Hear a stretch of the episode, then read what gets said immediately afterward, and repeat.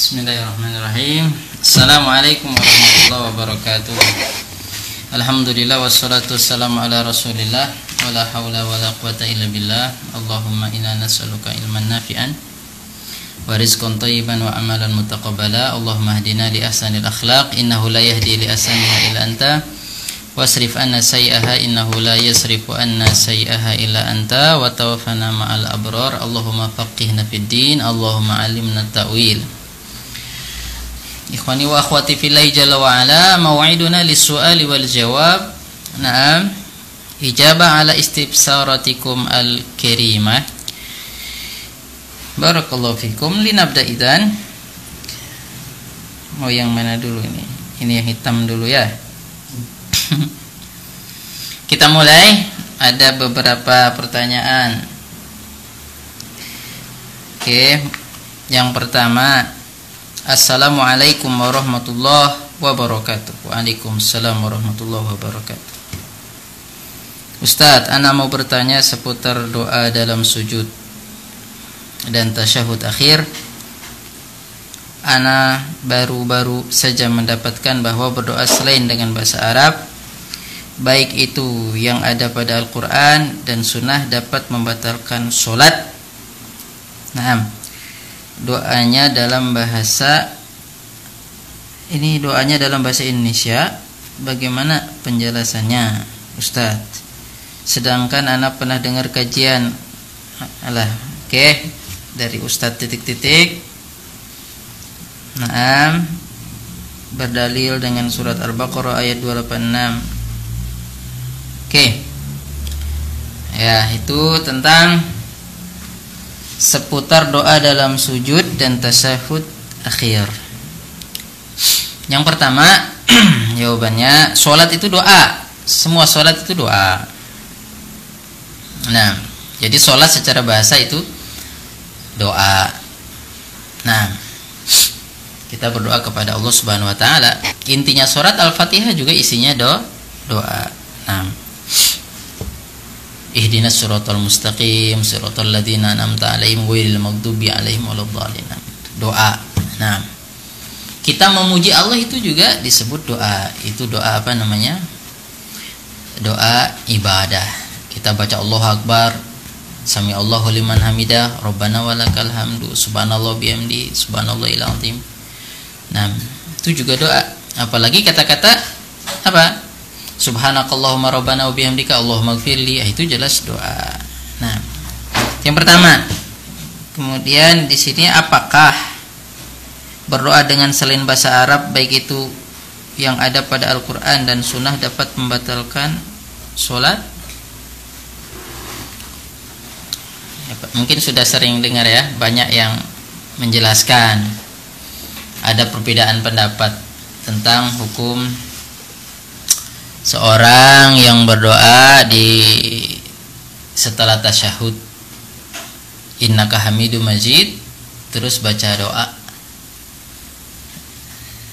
Dia tidak bisa bahasa bahasa Arab. Atau mau berdoa dengan apa yang ia inginkan. Secara umum Syekhul Islam Ibnu Taimiyah rahimahullahu taala membolehkan doa bil arabiyah wa bi ghairil arabiyah. Doa dengan bahasa Arab dan dengan tidak bahasa Arab. Nah, Lajnah Daimah Nah, pernah ditanya dengan masalah yang ini jawabannya boleh berdoa dengan bahasa selain bahasa Arab dalam sholat sholatnya nggak batal. Nah, sholatnya tidak tidak batal. Walaupun nanti yang memang harus dicatat apabila seorang berdoa dengan doa-doa selain bahasa Arab padahal dia bisa bahasa Arab maka tidak sah sholatnya sholatnya bisa batal. Nah dalilnya yang membolehkan dengan bahasa selain bahasa Arab ketika berdoa hadis Nabi Muhammad Shallallahu Alaihi Wasallam dalam Sahih Bukhari summa fal yatakhayyar ma yu'jibuhu minad du'a. Jadi setelah kita tasyahud tasyahud kemudian kan sholawat ya maka kita berdoa dengan doa yang kita perlu doa yang kita kita perlu nah di lain riwayat mayasa apa yang ia inginkan nah ini kata Ibnu Hajar dalam Fathul Bari sebagai jawaban bagi ulama-ulama yang mengatakan tidak boleh berdoa dalam sholat dengan doa yang nggak ada di Quran atau nggak ada dicontohkan Nabi. Nah, jadi Nabi ketika sholat berdoa berdoa. Nah, jadi kalau berdoa dengan selain yang maksur, selain yang diriwayatkan dari Nabi atau doa dari Al-Quran, maka itu batal sholatnya. Itu yang pertama. Jadi pendapat ini pendapat siapa? uh, Ibrahim An-Nakhai uh, Tawus dan yang lainnya jadi pendapat sebagian tabi'in bahkan lebih tegas lagi kalau uh, Ibnu Sirin rahimahullah taala seorang tabi'in tokoh tabi'in mengatakan kalau berdoa minta dunia aja nggak boleh. Nah berdoa minta dunia nggak boleh ketika kita dalam sholat harus tentang akhirat. Nah yang benar berdoa tentang dunia minta dunia juga boleh supaya diuruskan pekerjaannya supaya dimudahkan bisnisnya boleh. Nah. Kenapa? Karena keumuman. Tadi summa falyatakhayyar ma'jabahu minad doa hadis riwayat Bukhari itu. Kemudian tentang sholat istikharah, sholat istikharah itu kan masalah dunia, mau kawin, mau apa, mau ada hajat, doa, doa istikharah. Kemudian nanti apa keperluan intinya? Ya Allah, apabila perbuatan ini bagus bagi saya, lanjutkan. Di, dikasih nama perbuatannya. Nah, itu masalah salah dunia.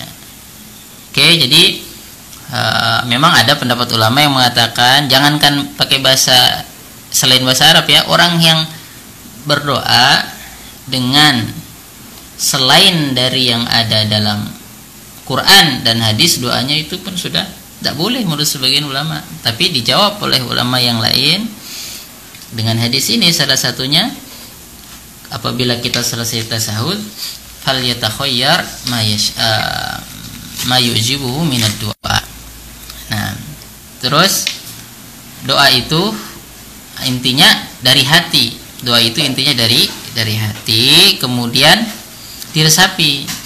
Nah bagaimana orang pakai bahasa Arab berdoanya bahasa Arab juga belepotan. Orang Arab kalau nggak belajar nahu sorob pecah juga bahasa Arabnya. Bahkan lebih pintar orang Indonesia ngomong bahasa Arab kalau dia belajar nahu sorob. Kayak orang Indonesia aja. Kalau belajar spoken ya apa subjek objek predikat lancar bahasa Indonesia kalau yang atau orang barat belajar bahasa Indonesia mungkin sesuai ejaan. Nah jadi kata Syekhul Islam bin Taimiyah jangan sampai malahan kita berdoa dia nggak bisa bahasa Arab yang fasih pakai bahasa amiyah istilahnya malahan akhirnya dia memaksakan pakai bahasa Arab yang fasih akhirnya doanya tidak tidak fokus pada doa nah, intinya itu fokus nah tapi kalau mau hati-hati nanti sebagian akhirnya ngasih solusi. Kalau dalam sholat berdoanya dalam hati aja dah. Kalau nggak bisa bahasa bahasa Arab. Nah, nah. Tapi intinya Allahu a'lam, Allahu a'lam boleh boleh saja. Nah, berdoa di dalam sholat Contohnya habis subhana rabbiyal a'la, subhana rabbiyal a'la kan diperintahkan untuk memperbanyak doa. Aqrabu ma yakunul 'abdu min wa huwa sajid fa aktsiru fihi minad du'a. Sedekat-dekat hamba dengan Allah itu ketika sujud, maka perbanyak doa.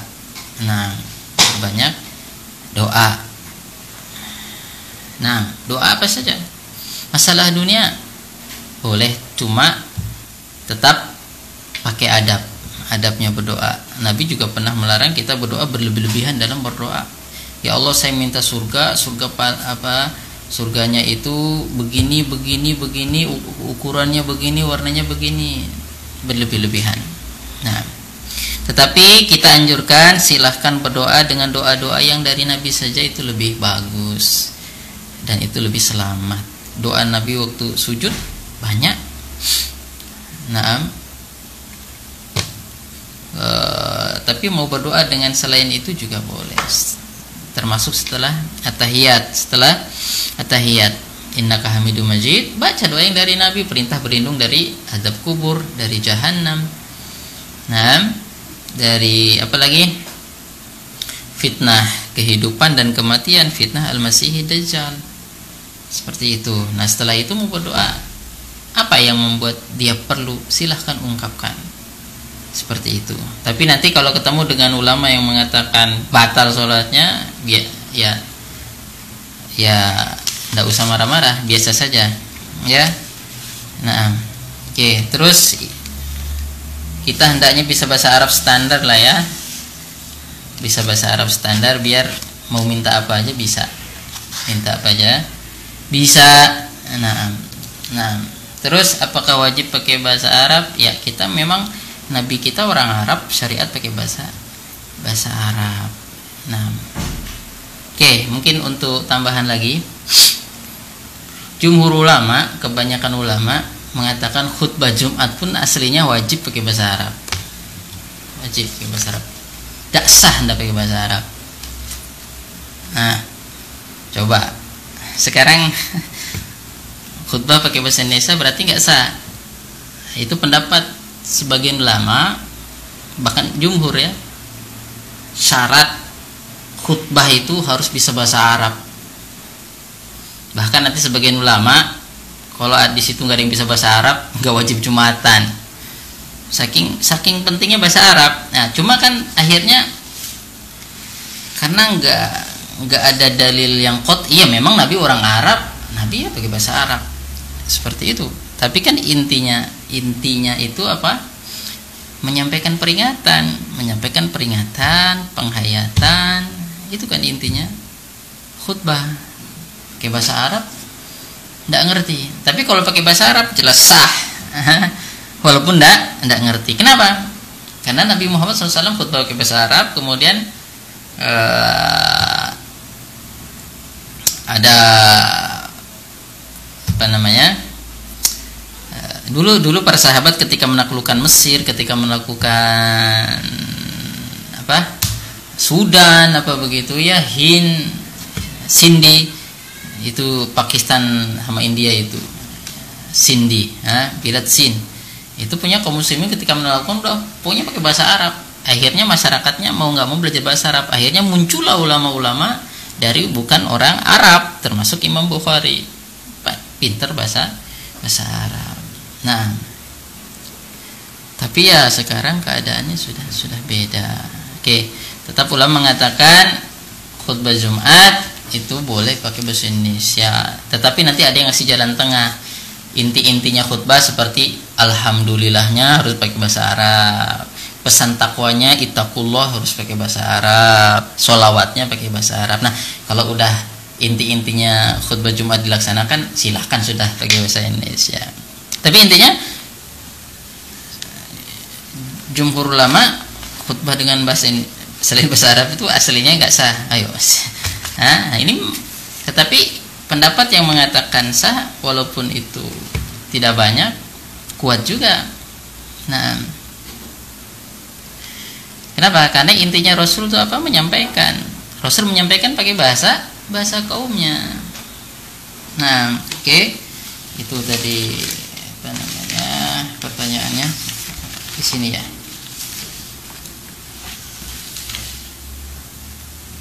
Oke itu ya jadi nah jadi memang ada beberapa yang ulama berbeda pendapat nggak usah nggak usah anu kita eh, harus tahu cuma jangan juga berlebih-lebihan kita hargai masing-masing pendapat Nah, dan kaum muslimin tidak selayaknya saling menjatuhkan saling saling menjatuhkan. Oke. Okay. Untuk itu yang pertama ya. Nah, jadi aslinya khutbah juga ulama mengatakan wajib pakai bahasa Arab. Tapi sekarang nggak pakai bahasa Arab sah-sah saja. Bagi yang tetap mengatakan batal akhirnya benar khutbah pakai bahasa Arab. Itu ada sebagian masjid khutbahnya itu itu aja. Itu ada di kampung bahasa Arab. Ya bagus. Cuma kan masa khutbahnya itu itu aja? Keperluan kan bukan itu itu aja. Nah, akhirnya seribu tahun yang lalu sampai sekarang khutbahnya sama. Karena saking kalau nggak pakai bahasa Arab kata para ahli fikih batal. Nah oke. Okay. jadi hal ini juga harus kita bisa dudukan. Bukan kita mengecilkan bahasa Arab tetap kalau bisa pakai bahasa Arab khutbah. Habis jadi bahasa Arab 5 menit habis itu intinya kita terjemahkan 5 menit 10 menit selesai khutbah. Khutbah kedua juga 5 menit terjemahkan 3 menit. Jangan lama-lama khutbah Jumat 15 menit cukup. Kelamaan juga itu 15 menit kalau ada yang khutbah Jumat satu jam itu ya kurang bagus sebetulnya. Oke. Okay. nah nah itu ya. Udahlah. Apalagi ini? Nah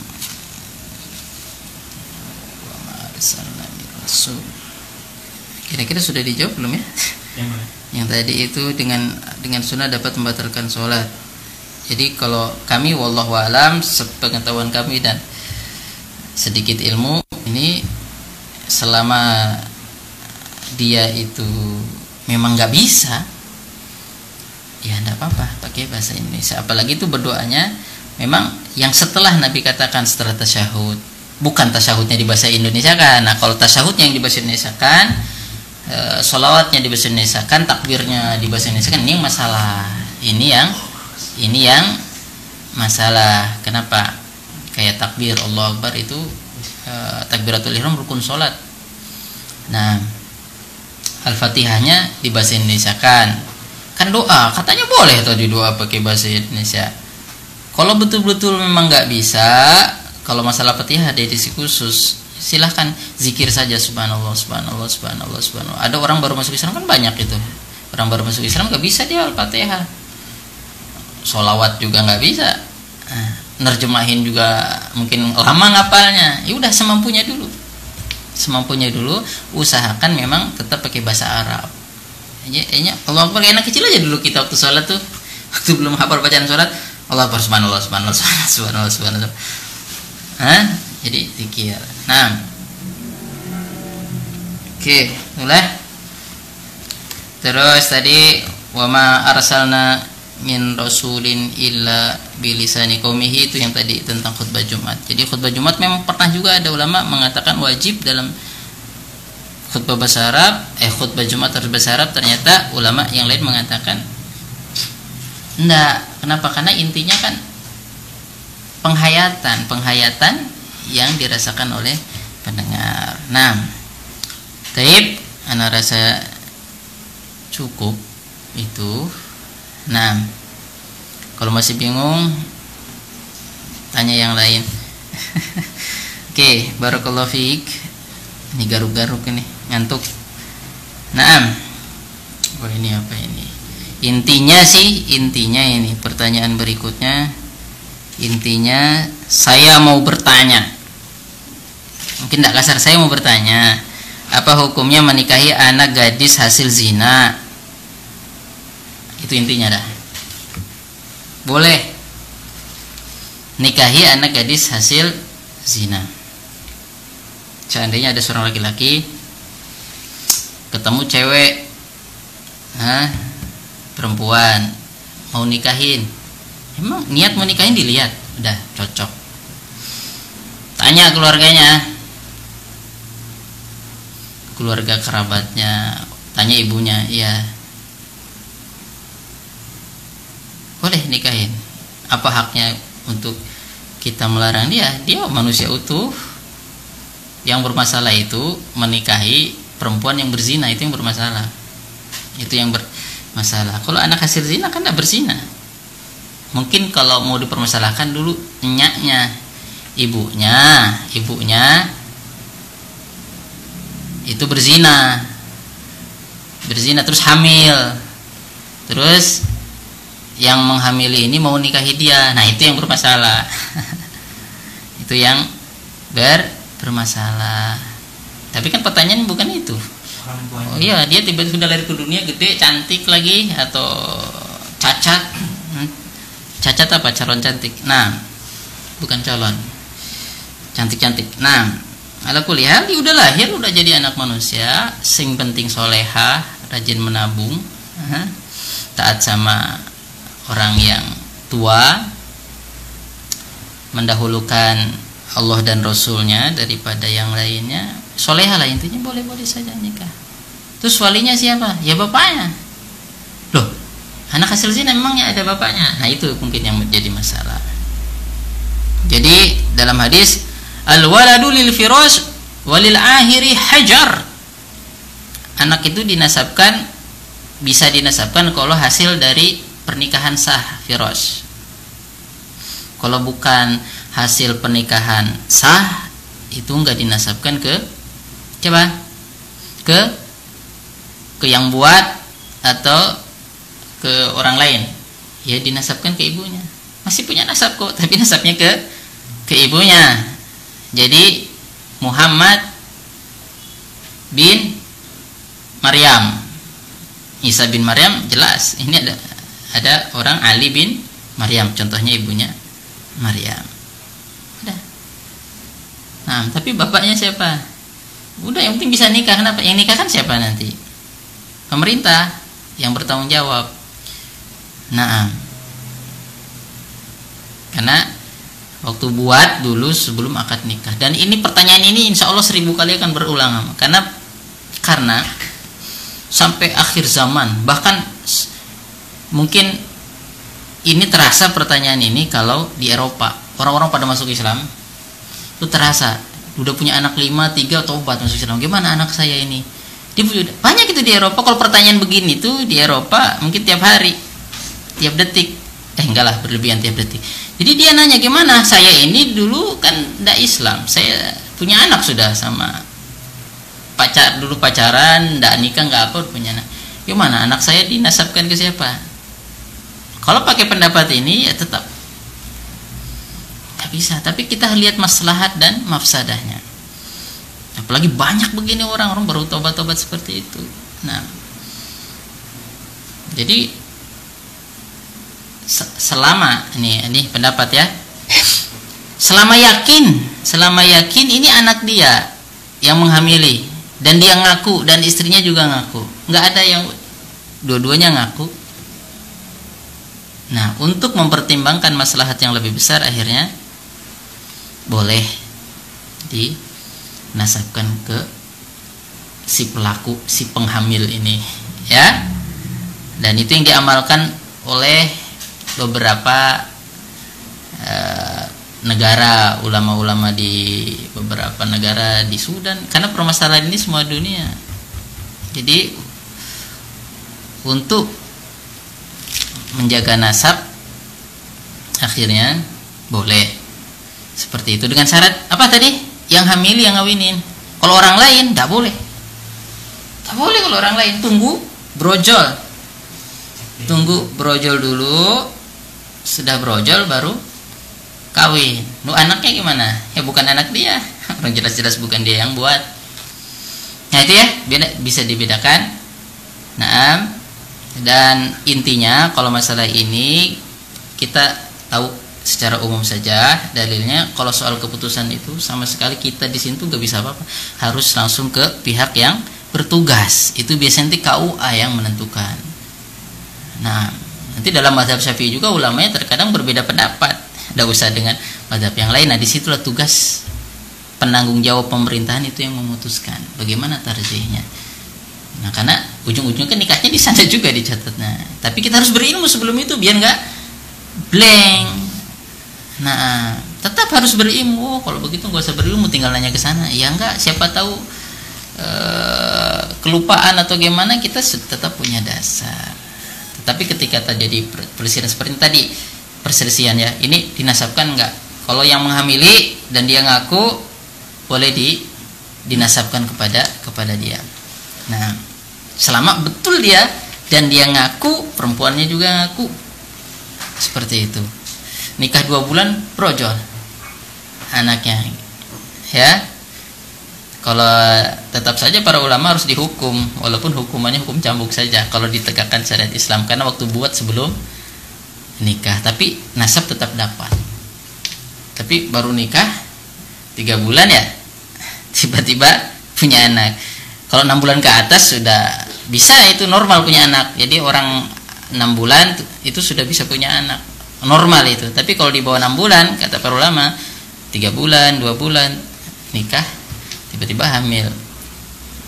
Itu kan udah jelas-jelas berarti bersih berzina. Nah dicambuk. Nah oke okay, ala kulihal intinya sih sebetulnya walaupun Nabi menegakkan syariat Islam Nabi itu sangat sangat memerintahkan umatnya agar menutup aibnya. Dulu pernah datang ke Nabi wanita, ya Rasul saya berzina, tegakkan hukuman dong bagi saya. Serius, kamu nggak gila? Kamu waras? Iya saya nggak gila, saya waras. Rasul sampai cari-cari, maksudnya kalau dia bisa tutupin, tutupin aja sudah. Tobat sama Allah udah. Seperti itu. Terus ternyata yang wanita ini hamil. Ya, kata Nabi, ya sampai besar dulu sampai berojol dulu. Nanti udah berojol harus disusuin dulu. Subhanallah. Tapi karena wanitanya tetap kekeh ingin ditegakkan hukum Allah ya suruh tegakkan. Tapi intinya intinya coba kata para ulama seandainya itu wanita nggak datang lagi udah begitu Nabi nggak akan korek-korek. Soalnya dia yang datang terus datang terus sudah padahal jelas dia berzina. Jadi intinya ini juga ini juga Seandainya sudah ada pelaku dosa, orang berbuat dosa, jangan kita tambah-tambahin. Jangan kita tambah-tambahin, kita jatuhkan mentalnya orang ini. Nah, ya, ya itu seperti itu. Tapi kalau nanti seandainya keputusannya tetap gak bisa nikah sampai dan tidak dapat nasabnya itu keputusan pengadilan agama atau KUA atau apa ya ngikut saja. Nah jadi ini kita cuma ngasih anunya ya gambarannya keputusan semua di tangan yang punya palu. Nah itu. Nah kita kan hanya berbagi saja. Terus catatan ya catatan. Bagi orang yang mau nikahin orang yang berzina itu syaratnya yang berzina sudah tobat. Sama yang tadi juga nih cerek tiba-tiba anaknya hamil tiba-tiba anaknya hamil daripada malu oh udah hamil eh, daripada malu akhirnya apa? Pokoknya kamu harus bertanggung jawab ngawinin anak saya. Kamu menghamili iya saya menghamili. Oke. Bertanggung jawab. Tapi dia nggak tobat tetap ulama mengatakan bertaubat dulu. Tapi kalau dipaksa nikah nikah sama-sama orang jelek. Nanti perempuannya tobat si lakinya belum tobat masih begitu tidak berjanji saya janji akan mengulangi lagi malahan. Jangan ulangi malahan. Alhamdulillah akhirnya tetap kumpul sama orang jelek jadi harus tobat tobat tobat.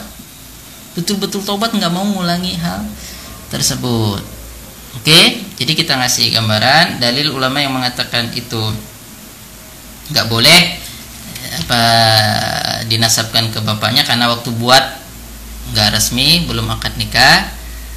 Keumuman hadis tadi ya al waladu lil firas walil akhir al-hajar anak itu baru bisa dinasabkan kalau sudah ada kasur resminya. Maksudnya apa? Nikah akad.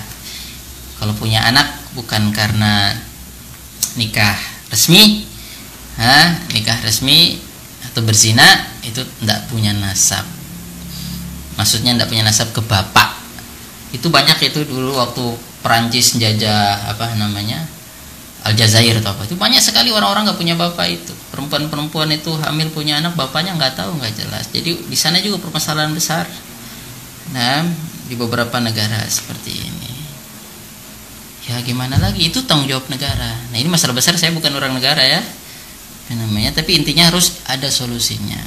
Harus ada solusinya negara bertanggung jawab untuk menikahkan kalau perempuan. Nanti makanya ada konsep wali wali hakim.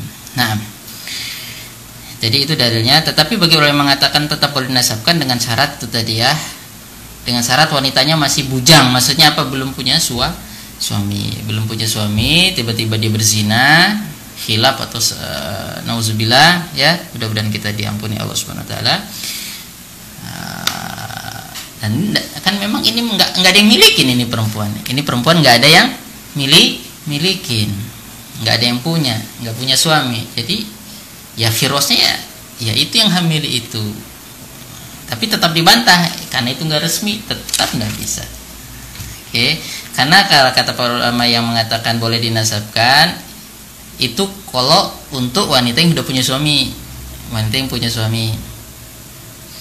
Apa namanya?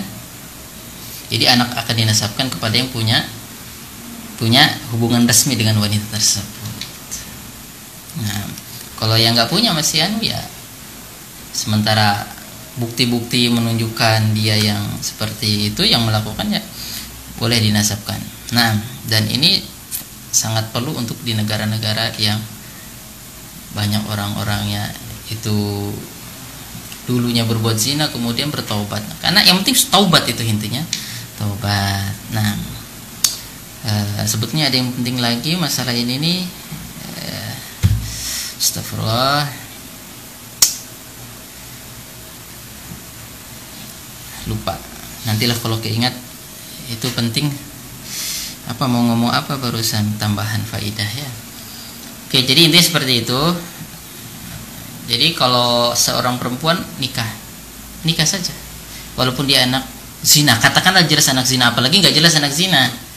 Apalagi nggak jelas. Oh cuma beda. Dulu saya dilihat ibu saya sama bapak saya nikah bulan ini. Tiba-tiba saya lahir bulan ini belum 9 bulan loh saya udah lahir. Masih bisa. Orang tuh lahir 8 bulan bisa 7 bulan bisa 6 bulan bisa. Para ulama mengatakan yang penting jangan kurang dari 6 6 bulan. Taib oke? Jadi seperti itu. Ada ya ada sebenarnya penting itu. Tadi sudah lewat lupa apa namanya? Nanti kalau keinget ya. Kita bikin rekaman pribadi itu. Ya apa mau ngomong apa gitu tadi. Nah baru fiik. Tapi tetap kita tetap semuanya itu dikembalikan kepada yang mengetok palu. Itu nanti nikah pasti di tempat tempat resmi pernikahan. Oke? okay?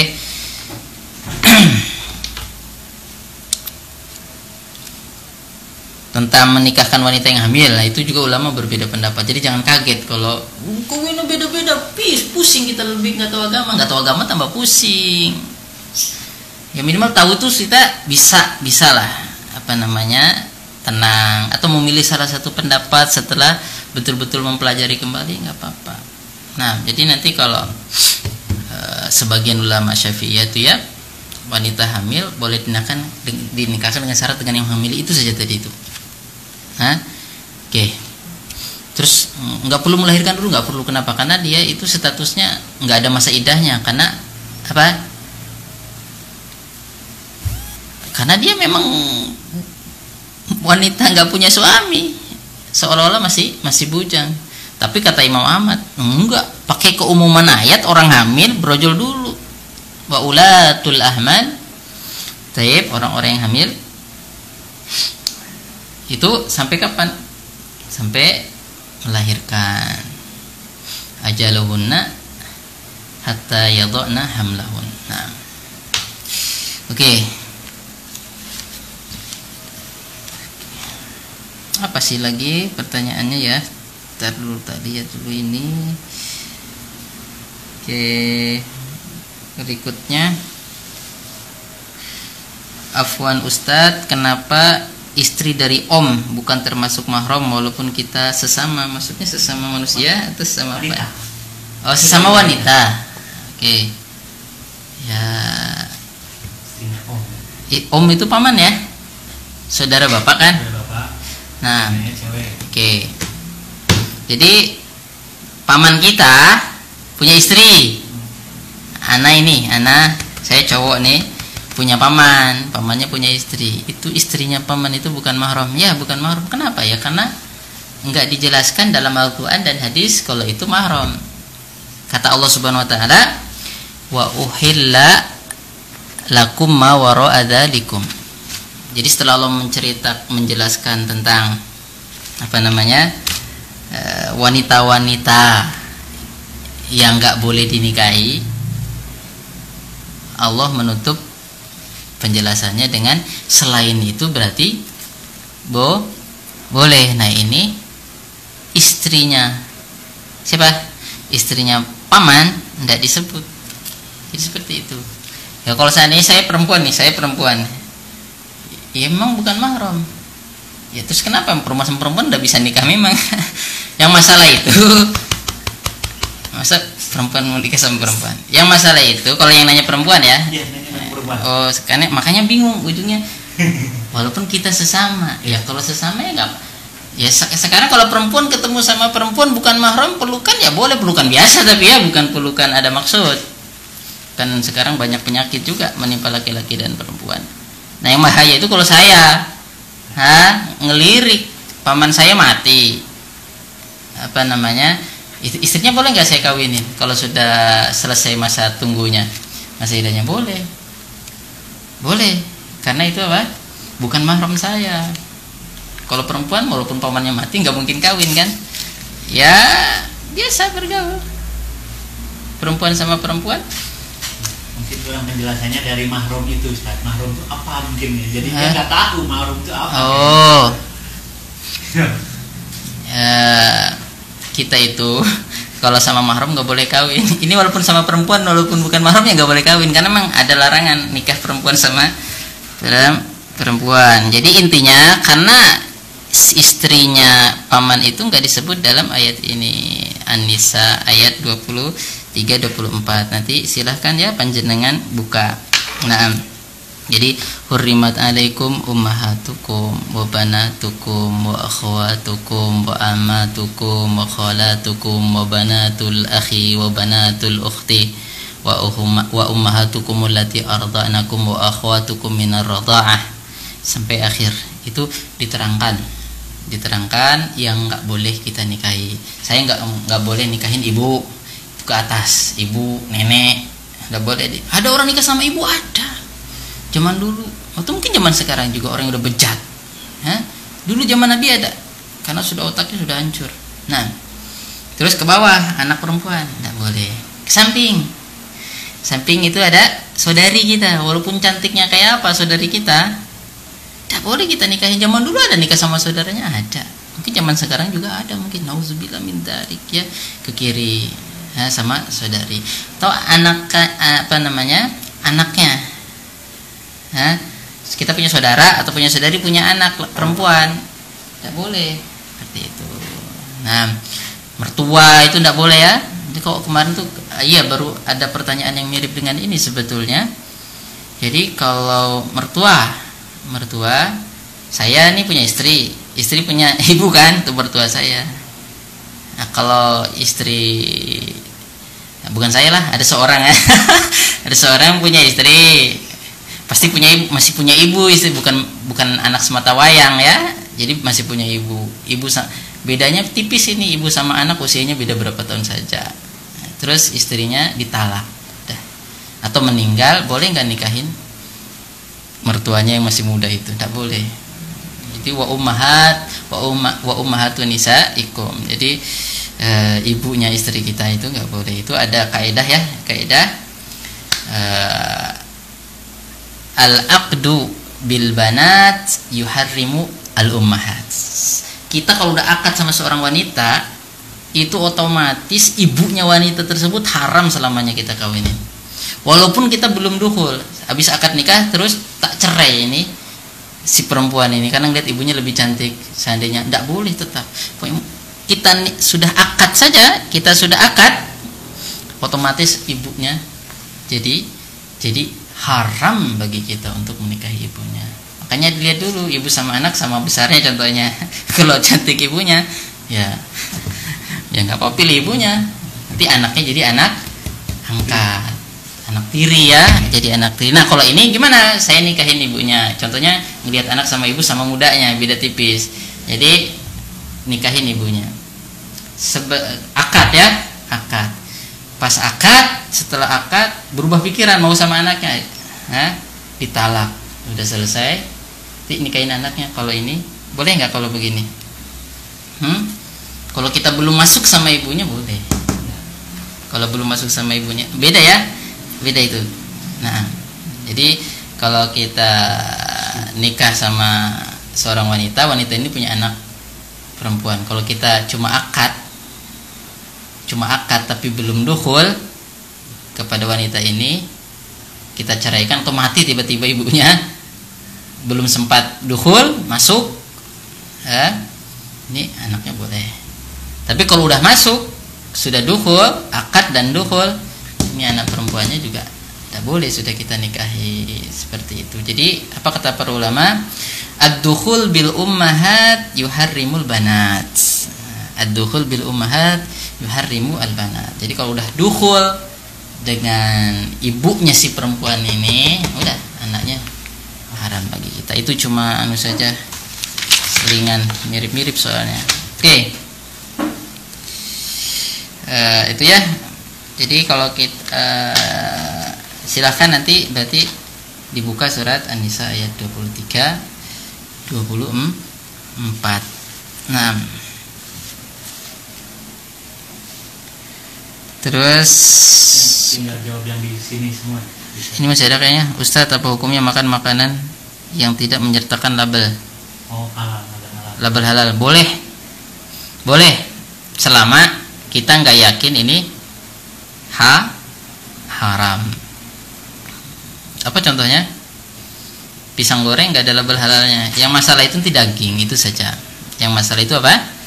Daging. Kalau buah-buahan biar nggak pakai label halal sah-sah saja. Nah ya. Selama kita tahu buah-buahan ini tidak mengandung racun kalau buah-buahannya ada racunnya apa buah yang ada racunnya itu? Atau apa tuak itu ya? Walaupun ada label halalnya tidak boleh karena dia tuak itu ha haram tuak yang memabukkan. Jadi yang masalah itu daging. Daging kalau nggak ada label halalnya. Kalau daging itu dari negara kafir nggak ada label halalnya. Kita mau berhati-hati nggak makan tidak apa tapi sembelihan orang Nasrani Yahudi itu halal. Kita tanpa harus cari tahu ini gimana nyembelihnya. Tapi kalau kita udah jelas tahu udah tahu ya ini nyembelihnya di setrum. Kan sebagian di setrum. Atau langsung buat sosis sapi itu hidup-hidup dimasukkan. Sedikitnya itu jelas tidak boleh. Itu bangke. Biar umat Islam yang yang melakukan itu tetap haram. Karena bang bangkai disetrum kadang-kadang ya atau ditusuk. Padahal bisa di disembeli. Selama disembeli apa namanya uh, selama itu orang Nasrani dan Yahudi yang menyembeli halal sembeli sembelihannya. Tapi kalau kita sudah jelas tahu menyembelihnya dengan selain nama Allah nama Yesus atau apa gitu ya atau uh, tak pakai listrik matiinnya karena disetrum itu dipukul itu tidak boleh karena itu bangkai. Itu, itu tentang label label halal. Terus assalamualaikum warahmatullahi wabarakatuh. Ya Ustadz apa itu sholat tasbih? Apa itu sholat tasbih? Jadi sholat tasbih itu sholat yang ulama berbeda pendapat tentang hal tersebut. Kalau kami pribadi setahu kami yang kita teliti hadisnya syad tidak bisa diamalkan. Ya memang ada dalam sunan Abi Daud ya. Ini nanti silahkan dibaca dan sebagian ulama menganjurkan sholat tasbih. Tapi sebagian ulama mengatakan mungkar itu seperti apa namanya perkataan Ibnu Qudama dia mengatakan dalam Al-Mughni fa amma sholatu tasbih fa inna Ahmad qala ma yujibuni. Qila lahu lima qala laysa fiha syai'un yasih wa nafadhu yadahu kal munkar. Jadi kata Ibnu Qudamah, kenapa enggak sholat tasbih itu enggak diamalin? Enggak, saya enggak enggak enggak setuju. Laisa fiha syai'un yasih, enggak ada hadis yang sahih. Itu kata Imam Ahmad. Ya, nanti ada sebagian ulama menghasankan hadis sholat tasbih. Sholat tasbih itu seperti sholat yang lain, apa namanya? Kita baca aja ya, biar anu ini hadis nanti buka mungkin Sunan Nabi Daudnya dibuka Sunan Nabi Daud ada nomor 1297. Di situ diterangkan Nabi Shallallahu Alaihi Wasallam berkata kepada Abbas bin Abdul Muthalib, ya Abbas, Ammah, wahai Abbas, Taib ala u'tika ala amnahuka ala ahbuka ala af'al bika asyra khisalin ida anta fa'alta dhalika ghafarallahu ghafarallahu laka dhanbaka awwalahu wa akhirahu qadimahu wa hadithahu khata'ahu wa amdahu saghirahu wa kabirahu sirrahu ala niyatahu asyra khisalan an arba rakaat Nah, jadi intinya Abbas kamu pahala banyak lah kita ringkas saja dosa kamu yang awal dan akhir diampuni. Kamu gini, sholat empat rakaat, takra'u fi kulli rakaah Fatihah. Jadi baca setiap rakaat itu seperti biasa, Akbar, baca Al-Fatihah. Terus uh, wasurah, kemudian baca surat. Faida farogta minal qiraah setelah selesai baca surat, nah kamu tetap berdiri baca subhanallah walhamdulillah wala ilaha illallah allahu akbar khamsa asyrata marrah jadi setelah Fatihah baca surat baca subhanallah walhamdulillah wala ilaha illallah Allahu akbar 15 kali.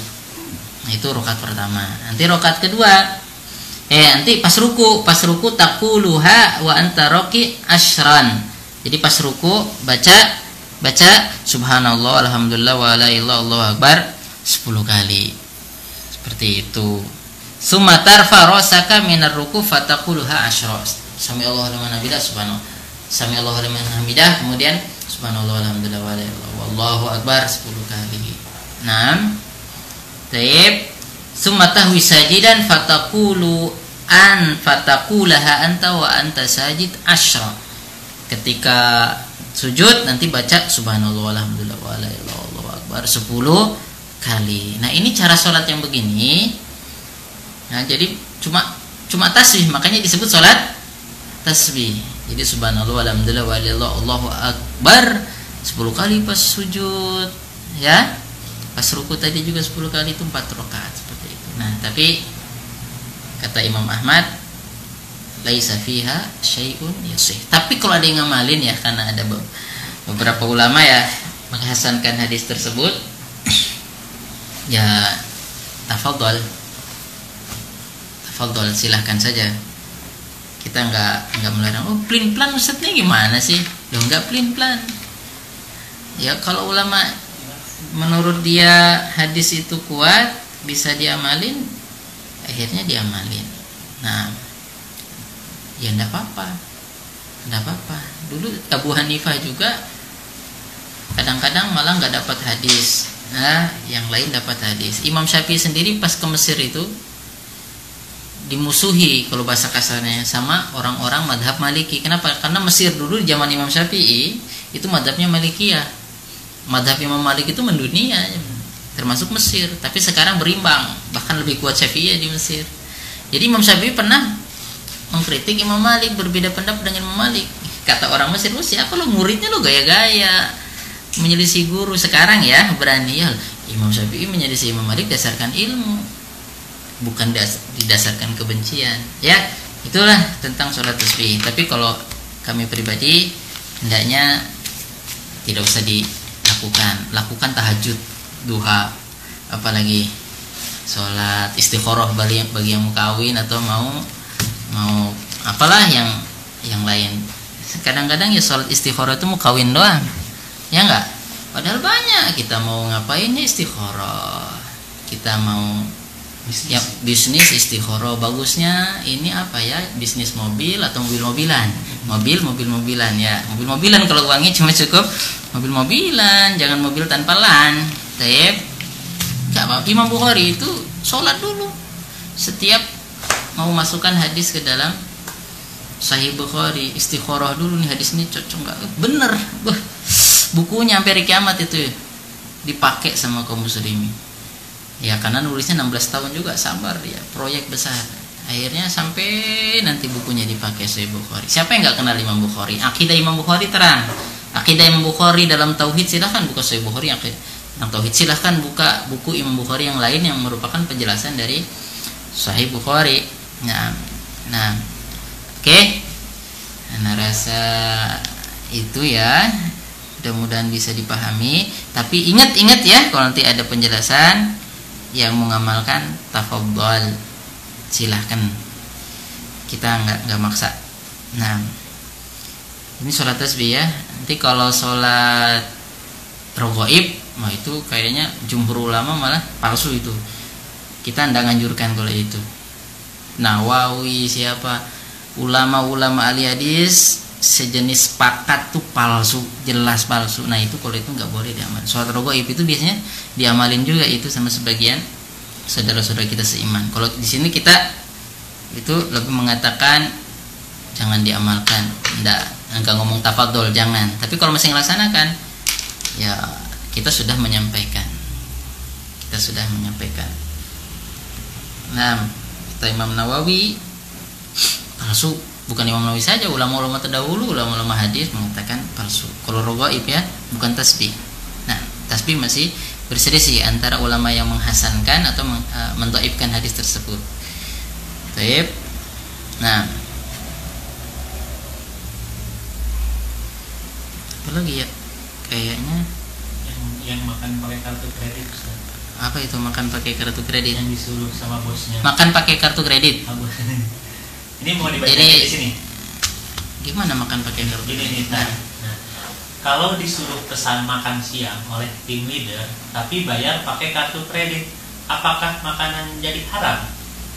Enggak. Pakai kartu kredit. Oh, tak kira sen sendoknya ganti kartu kredit. nah, enggak, enggak jadi haram. Ya itu itu uang dia di situ. Uang dia di situ apa semuanya uang riba kan kita nggak nggak tahu. Apalagi status dia kan dia ke kita sudah ngasih. Jadi dia itu ke kita sedekah. Kalau nabi kita boleh minta ngambil sedekah hadiah boleh. Tapi kan kalau kita bukan nabi jadi ada orang ngasih sedekah sama kita ya kita kita ambil. Tapi tetap dicatat kalau memang kita tahu jelas ini uang di dalam kartu kredit itu haram semua kalau bisa ya nggak usah kalau jelas. Tapi kalau seandainya nggak jelas terus uh, kalau kita mau hati-hati tapi kalau dia sudah statusnya ngasih ke kita kan sudah berubah. Itu kan uang dia. Ketika, ketika pindah ke kita apa namanya itu nitip doang atau ngasih kan sih? Belum jelas. orang. Jadi misalnya disuruh. untuk siapa itu untuk makan bareng-bareng makan dia. juga makan. Uang tapi uang orang itu kan? Uang bosnya. Uang bosnya. Pakai kartu kredit tapi. ya ya, ya oke. Okay. sedekah itu kan. Nah, tak kira cuma suruh belikan doang. Dan makan sama dia juga. Ya, jadi intinya ngasih kan? Ya naktir itu naktir pakai kartu kredit. Nah, nah, nah. Oke, okay, itu terlalu besar masalah yang sangat besar sekali tentang masalah-masalah begitu. Kayak kita mengatakan bank bank konvensional itu nggak bagus begini. Tapi ya memang kita juga belum ada solusi untuk itu. Itu PR semua. PR pejabat PR ya orang-orang yang paham di bidang ekonomi bagaimana cepat-cepat kita itu buat bisa buat bank sendiri. Yang nggak terpengaruh sama bank dunia walaupun berat sih kayaknya. Nah berat ya. Kita berusaha tetap berusaha. Nah berusaha untuk mandiri. Nah, nah kayaknya itu dah. Oke. Ini, ini ada sih tapi yang kasihan nih lama. Di situ udah nggak ada, di sini ada ini. Coba uh, nggak apa-apa situ dulu kan. udah semua kalau ini tadi yang tadi dibacain itu sebagian kan dari sini. Sudah cuma hanya tinggal satu sama satu lagi mungkin. Oke, ini. Oh ini. Ini mungkin bisa dijawab sedikit susah sama Ustaz pendek bisa. Apa tafadhol Ustaz sebenarnya jumlah istighfar itu tidak terbatas. Atau kita meng mengikuti sunnah yaitu 100 kali per hari. Oh gitu. Masya Allah. Pertanyaannya bagus. Jadi Eh, kita diperintahkan untuk banyak istighfar. Nabi Shallallahu Alaihi Wasallam duduk aja sekali duduk lebih dari 70 kali. Makin banyak makin bagus. Sekuatnya. Contohnya nih, saya punya target, tapi target pribadi saya, saya pokoknya setiap hari sejuta istighfar. Boleh, boleh. Pakai alat pun boleh. Dulu Abu Hurairah pakai diikat sebelum tidur. Tapi jangan nih dibedain ya, dibedain. Dia baca ini 5000 kali. Fadilahnya begini. Pasti begini. Nah langsung cepet kaya. Kan ada ya itu zikir kaya langsung usahanya pasti lancar terus. Nah ini meyakini sebuah fadilah harus ada dalil. Tapi kalau kita banyak istighfar sebetulnya sudah banyak fadilahnya. Kalau kita istighfar akan Allah berikan kita rizki berikan keturunan diberikan rahmat hujan. Silahkan baca surat surat an-nur. Oke udah ada fadilahnya cuma masalahnya kalau kita nentukan dari diri kita sendiri gitu loh. Apa namanya? Mungkin niatnya ya yang ngasih amalan-amalan seperti itu supaya orang banyak bersikir tapi masalahnya diyakini harus sekian kali. Ya kita kan niat seribu kali tujuh ribu kali itu kan hanya untuk target saya sampai situ. Untuk kita punya ya kayak gini aja saya setiap hari harus satu jus. Bid'ah ya enggak lah saya sebenarnya setiap hari harus khatam satu juz. Mana dari setiap hari harus khatam satu juz? Dari persisnya enggak ada. Tapi kita diperintahkan untuk senantiasa berusaha menjaga al Al-Quran membaca Al-Quran. Kalau itu contohnya eh, hari hari Ahad kita pengajian subuh. Wah itu kan satu harinya hari Ahad niru siapa? Nasrani. Khutbah lagi ceramah. Itu apa nggak tasabuh lah niat kita itu bukan bukan ke sana. Ya karena bisanya waktu iya, itu. bukan niatnya mau mengagungkan atau ada kekhususan kehebatan hari Minggu seperti yang diyakini sebelah sebelah. Ini penting ya kaidahnya. Jadi meyakini dengan sebuah fadilah itu berpengaruh terhadap uh, apakah amalan tersebut jadi bid'ah atau atau tidak. Ya termasuk pemuda yang tadi katakan yang yang datang ke zaman yang datang ke Nabi itu dia mau puasa terus ndak buka karena dia punya keyakinan salah satu sudon kepada Nabi. Nabi wajar sudah diampun dosanya. Itu sudah tidak beradab sama Nabi. Kedua jelas negatif hasilnya.